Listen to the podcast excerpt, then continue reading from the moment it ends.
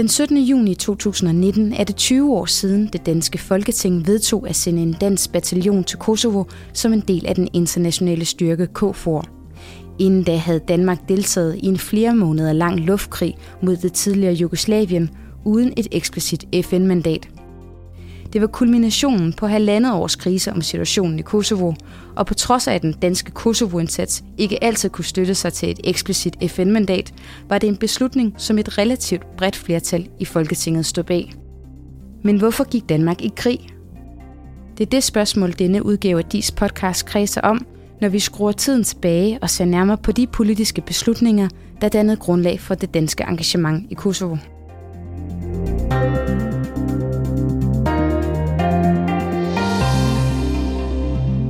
Velkommen til endnu en podcast fra DIS. Mit navn er Sara Gro, og med mig i dag har jeg dig, Mikkel Runge Olesen. Du forsker blandt andet i dansk udenrigspolitik, NATO og transatlantiske forhold her på DIS. Velkommen til. Tak skal du have. Du har været med til at lave en historisk undersøgelse om Danmarks krigsdeltagelse i Kosovo, Irak og Afghanistan, som udkom i starten af 2019, og som også blev kaldt for krigsudredningen. Her har du været forfatter på delundersøgelsen om Kosovo. En delundersøgelse, der endte med at beløbe sig på næsten 300 sider, og en ordentlig bog, som jeg står med i hænderne her. Her har du undersøgt den politiske beslutningsproces, der lå til grund for, hvorfor Danmark valgte at gå i krig i Kosovo. Øh, og det er det, vi skal se nærmere på her i dag. Det er et arbejde, som for dig har stået på i to år, og hvor du har haft adgang til en lang række hemmeligstemplede dokumenter. Jeg kunne godt tænke mig at starte med at spørge dig, øh, først og fremmest, er der noget, der har overrasket dig i løbet af, af dit arbejde her med, med din undersøgelse? Ja, altså der vil jeg sige, de fleste historikere har jo nok en eller anden idé om, inden man går i gang med at kigge nærmere på en beslutningsproces, at politikere måske ikke altid lige siger helt det samme i pressen, som de så også måske siger bag lukkede døre. Men, men jeg vil sige, det var faktisk alligevel en overraskelse for mig, øh, at der var så relativt stor forskel her med Kosovo-konflikten, som det var tilfældet. Øh, jeg har faktisk selv skrevet om Kosovo og, øh, og den danske beslutningsproces omkring Kosovo, før at øh, øh, jeg var med i udredningen, øh, men hvor jeg altså ikke havde nogen speciel adgang til noget som helst, der måtte basere mig på, øh, på åbne øh, kilder. Øh, og øh, der må jeg altså sige, at efter jeg har, nu har fået lov til at grave dybt i kilderne, så har det ændret også på mit syn på, øh, hvilke overvejelser det var, at de danske øh, beslutningstagere gjorde sig om Kosovo. Men det kan vi jo øh, også gå lidt øh, dybere ned i efterhånden, som vi kommer frem. Ja, det vender vi tilbage til lige om lidt. Men, men du fortalte lige det der med, at du har haft adgang til en lang række af kilder, som du ellers ikke har haft adgang til før. Kan du prøve at fortælle lidt øh, kort om, om processen med den her udredning? Ja, øh, jamen det kan jeg godt. Og øh, altså, vores udredning er hovedsageligt baseret på arkivmateriale. Øh, fordi vi har fået adgang til øh, enorme mængder arkivmateriale i Udenrigsministeriet og Forsvarsministeriet og Statsministeriet øh, især, men også øh, fra andre statslige arkiver. Og øh, derudover så har vi så også foretaget nogle, øh, nogle interviews med nogle kerneaktører, og vi har alle sammen øh, haft det her store kildemateriale som, som øh, hovedudgangspunktet for vores undersøgelse. Og der må man så sige faktisk, at, at øh, det har været meget op at vende, om vi ville få den adgang til det kildemateriale, vi gerne ville have. Og der må man sige, da, da, nu spurgte du igen om, om man blev, blev overrasket, men man kan i hvert fald også blive positivt overrasket, eller i hvert fald konstatere, at, at det viser faktisk at fungere rigtig godt med samarbejdet der. Vi fik faktisk lov at se på det, vi gerne ville se på. Og med enkelte undtagelser, øh, så fik vi faktisk også lov at bruge alt det, vi gerne ville bruge. Og de ting, vi ikke fik lov at bruge, det var sådan relativt perifære pointer, det ville have understøttet. Så det ville ikke være noget, der havde rykket ved det store billede, at vi havde fået lov at bruge det. Så, så, så der har vi faktisk været, øh, været meget godt tilfredse, vil jeg sige. Og der er jo nogle centrale dokumenter, øh, som vi har fået adgang til. Øh, blandt andet noget, du kalder et pest- eller kolera-dokument selv, som vi også vender tilbage til senere. Men inden vi ser nærmere på, på baggrunden for den danske beslutningsproces, som du har, har dykket ned i her i udredningen, så, øh, så kunne jeg godt tænke mig at spørge dig, sådan, hvad er baggrunden for Kosovo-krisens begyndelse her i, i 1998 først og fremmest, så vi lige får, får det sat ja. på plads? Jamen altså dybest set, så er det jo en, en, en, en konflikt mellem to etniske grupper, øh, som kæmper om det samme stykke land i Kosovo. Og øh, en, en, en, et kerneelement i den konflikt, det er øh, den såkaldte demografiske balance mellem de to. Altså, hvem er flest? Og det er altså en konflikt, som har meget dybe historiske rødder. Både serberne og albanerne ankom nemlig til Kosovo for omkring cirka 1000 år siden. Og det kan ikke lade sig gøre at bestemme, hvem der kom først. Ikke at det har afholdt mange for at prøve og påstå, at det var dem, der kom først. Men det, det, det, det, det, det kan vi ikke lægge os fast på. Men lad os lige prøve at rise op, hvad der så sker efter de ankommer. Og prøve at tage små tusind års historie på to minutter. Det, der sker, det er, serberne ankommer, øh, og får etableret et kongerige, og en gang i løbet af 1200-tallet, så inkluderer det også Kosovo, øh, som altså bebos både af kosovoalbaner og serber. Så sker der det i 1389, så taber de det her afgørende og meget berømte slag til osmanneriet på Solsortesletten, og derefter så bliver de hurtigt opslugt i osmanneriet. Og hvad sker der så med serber og albanere i Kosovo herefter? Jamen så er det sådan, at albanerne de er i stor stil katolikker, mens serberne er græsk-ortodoxe. Og det er af forskellige grunde sværere at være katolik i osmanneriet, end det er at være græsk-ortodox. Og derfor så konverterer kosovoalbanerne ret hurtigt til islam, mens serberne i højere grad holder fast i den græsk-ortodoxe tro.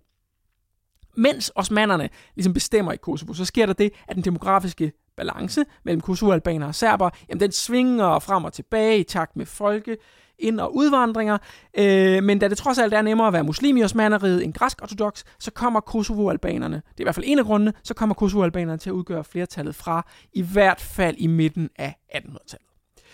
Så sker der det, at Serbien bliver selvstændig i 1800-tallet, de sætter sig i besiddelse af Kosovo øh, lige inden Første Verdenskrig, og siden da så forsøger de altså at omgøre det her, den demografiske balance. De prøver at, at ændre på det, så der igen er flere serbere end kosovo-albanere i Kosovo. Det lykkedes imidlertid ikke, øhm, og så hopper vi helt op til, til 90'erne, og prøver at kigge lidt på den kosovo-albanske side også. Øh, og her har vi altså kosovo-albanerne, som i 1990'erne, de er øh, klart flest i Kosovo. De prøver med fredelige midler øh, i midt-90'erne at vinde, tidlig og midt-90'erne, at vinde Vesten og USA's støtte til Kosovos selvstændighed. Øh, det slår imidlertid fejl, og desillusionerede Kosovo-albanere, de slår sig så sammen i det, der hedder Kosovos befrielse her, UCK, som så i stedet påbegynder en guerillakrig imod de serbiske sikkerhedsstyrker.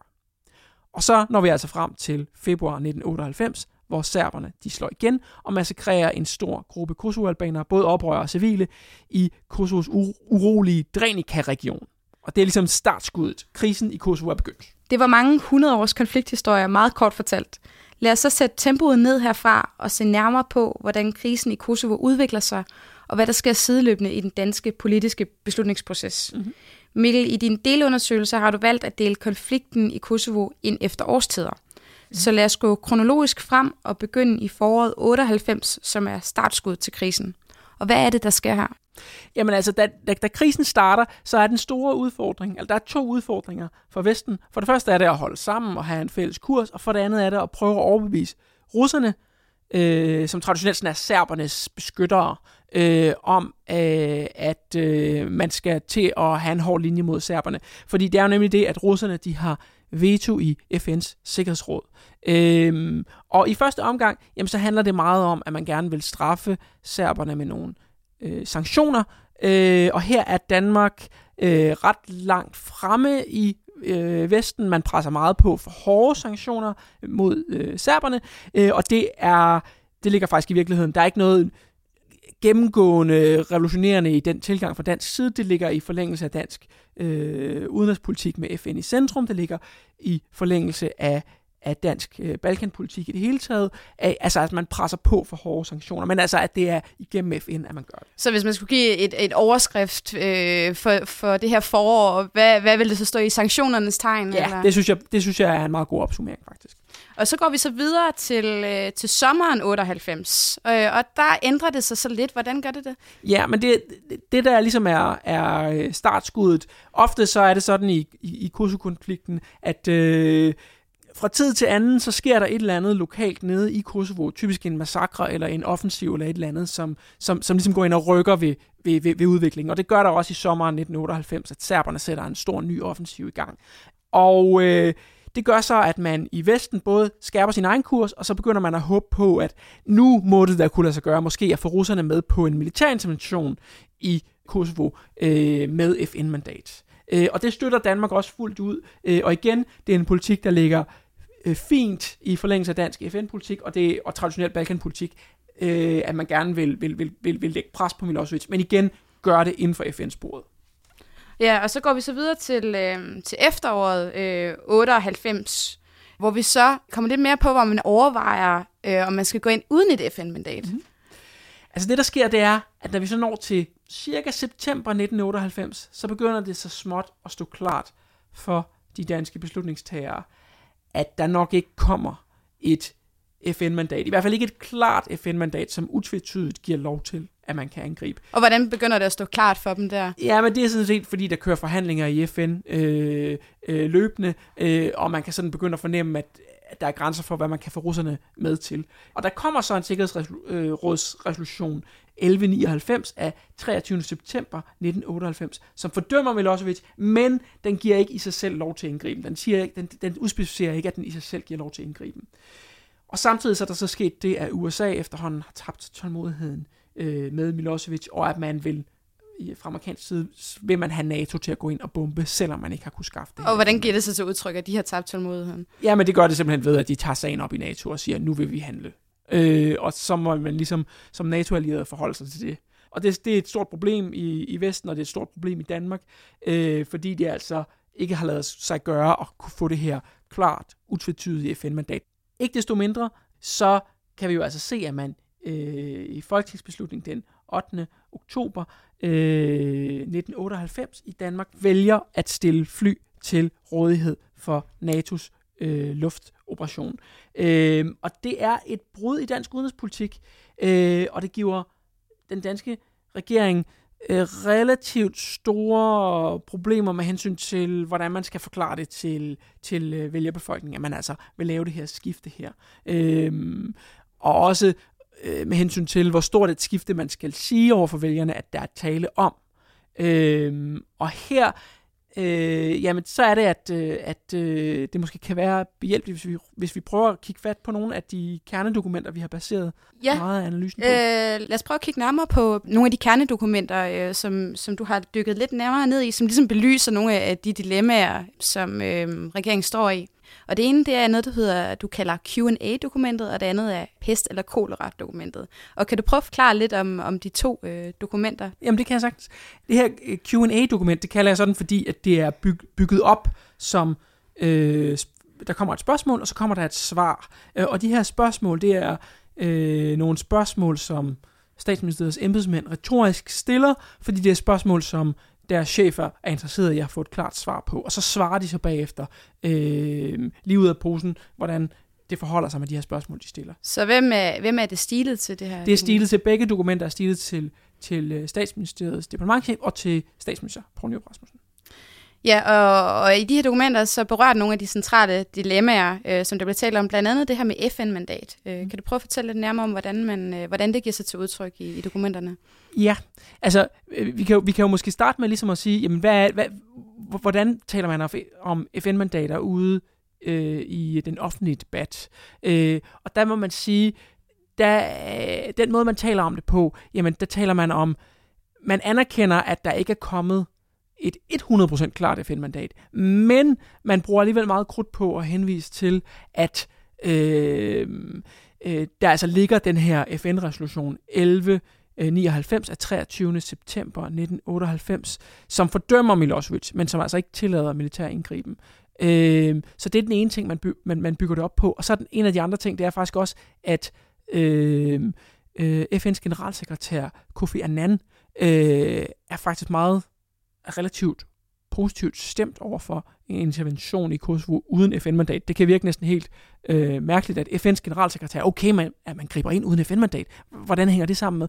Men, men, men det gør det simpelthen, fordi for FN's generalsekretær, øh, jamen der den der humanitære nødvendighed gør, at, at, øh, at, øh, at, øh, at han taler for det. Og der er faktisk sådan et, et, et øjeblik, øh, lige inden man så reelt bomber, man bomber først øh, den 23. 24. Øh, marts 1999, der siger han, øh, FN's generalsekretær Kofi Annan, da han får at vide af NATO's generalsekretær, at nu, nu skal der bombes, så, så ønsker han NATO held og lykke. Øh, så det er også bare for at sige, hvor, hvor øh, det i virkeligheden Kofi Annan øh, går i forhold til at, at udtale sig positivt om intervention. Men rykker vi nu ind i særligt i statsministeriets øh, gange og prøver at se på, jamen, hvordan taler man altså om, om FN-mandatet i statsministeriets interne dokumenter. Mm. Og så kan vi starte med det her Q&A-dokument. Øh, og her, der øh, spørges der, øh, findes der et juridisk finblad? Og så svares der, næppe, og i hvert fald ikke et almindeligt accepteret, som giver lov til direkte militær intervention. Og det siger de altså i det her dokument, som er fra den 22. september, lige inden FN-mandatet kommer. Øhm, og så kan man så spørge, jamen hvad med det der FN-mandat? Giver, giver det så ikke, øh, når det kommer dagen efter, øh, øh, den der øh, øh baggrund, som man manglede? Øh, men der må man altså så gå ind og se på det andet dokument, pest- eller kolera-dokumentet. Mm. Øh, som sådan, og grunden til, at jeg kalder det det, er fordi, at dokumentet øh, beskriver øh, fordele og ulemper ved, at Danmark skal gå med i Kosovo øh, som et valg mellem pest eller kolera, og så lister, så lister man en masse øh, grunde for eller imod op under hver. Øh, og det er, det er pest, ikke at deltage, det er kolera at gå med. Og her, der, der, der lyder det øh, om det her med FN-mandatet. Øh, ja, der skriver de, der foreligger, og det er altså efter øh, 1199 øh, er blevet vedtaget, øh, der, den foreliggende øh, sikkerhedsresolution øh, indeholder krav og trusler til Milosevic med henvisning til FN-pagtens kapitel 7 om magtanvendelse. Men resolutionen forudsætter klart Sikkerhedsrådets accept, inden der eventuelt handles. Resolutionen kan derfor efter vores overbevisning ikke benyttes som begrundelse til at gribe ind over for Milosevic. Heller ikke med henvisning til en humanitær katastrofe, fordi også den begrundelse alene kan benyttes af FN's Sikkerhedsråd. Så der kan man altså se, at der er noget forskel der på øh, i den offentlige debat stadig at støtte sig til, at man øh, man, man, man siger det ikke på den måde, men man, man får næsten fornemmelsen af, at der næsten er et FN-mandat, og så er man altså internt i statsministeriet øh, mere klart er, er klar over, at, at, at, at der, det er der ikke. Og der er vi også lidt inde over den, øh, den, nogle andre vægtninger af argumenter, blandt andet det her med det humanitære situation, at, øh, at i den offentlige debat øh, og i det udenrigspolitiske nævn bliver ligesom nævnt af afgørende betydning, hvor internt i statsministeriet, så er det ligesom et argument blandt flere. Mm-hmm, mm-hmm. Ja, fordi det skal man jo have med. Altså, det er jo det humanitære, der, der, der, der stort set fylder det hele i debatten om Kosovo.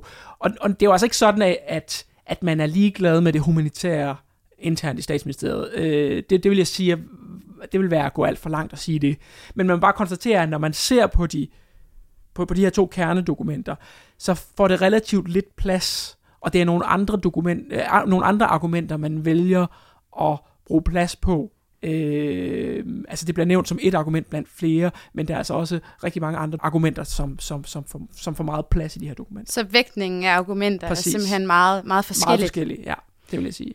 Og så, så er der det næste punkt, som jeg snakker lidt om, altså det her med hensyn til de allierede. Hvordan ser det ud øh, internt i statsministeriet, øh, og så i forhold til den, til den offentlige debat? Ja, jamen altså igen kan vi prøve at, at vende tilbage til dokumenterne.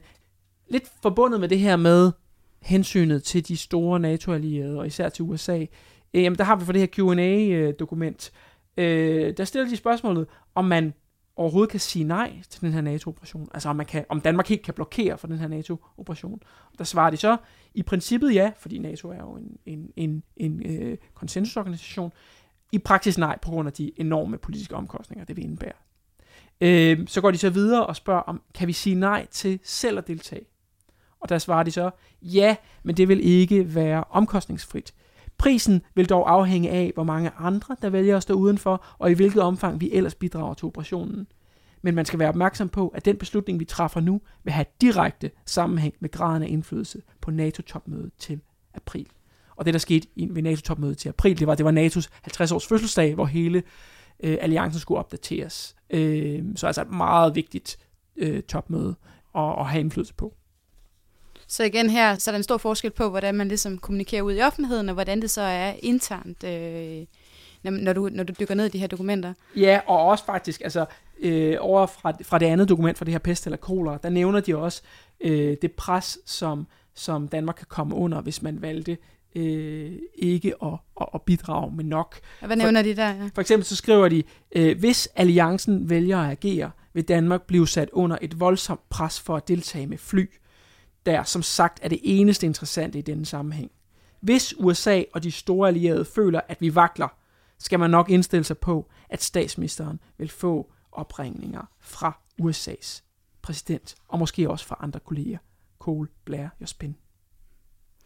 Så, så ud fra, fra det her med de forskellige vægtninger af argumenter, alt efter hvor man er henne, hvad, hvad fortæller det her dig så om, om efteråret øh, 98? Jamen det fortæller mig, at, at øh, hensynet til USA øh, har spillet en ganske ordentlig stor betydning. Og hvis vi går videre så herfra og har kigget dybt ned i de her dokumenter, og så lidt længere frem, hvad der så sker.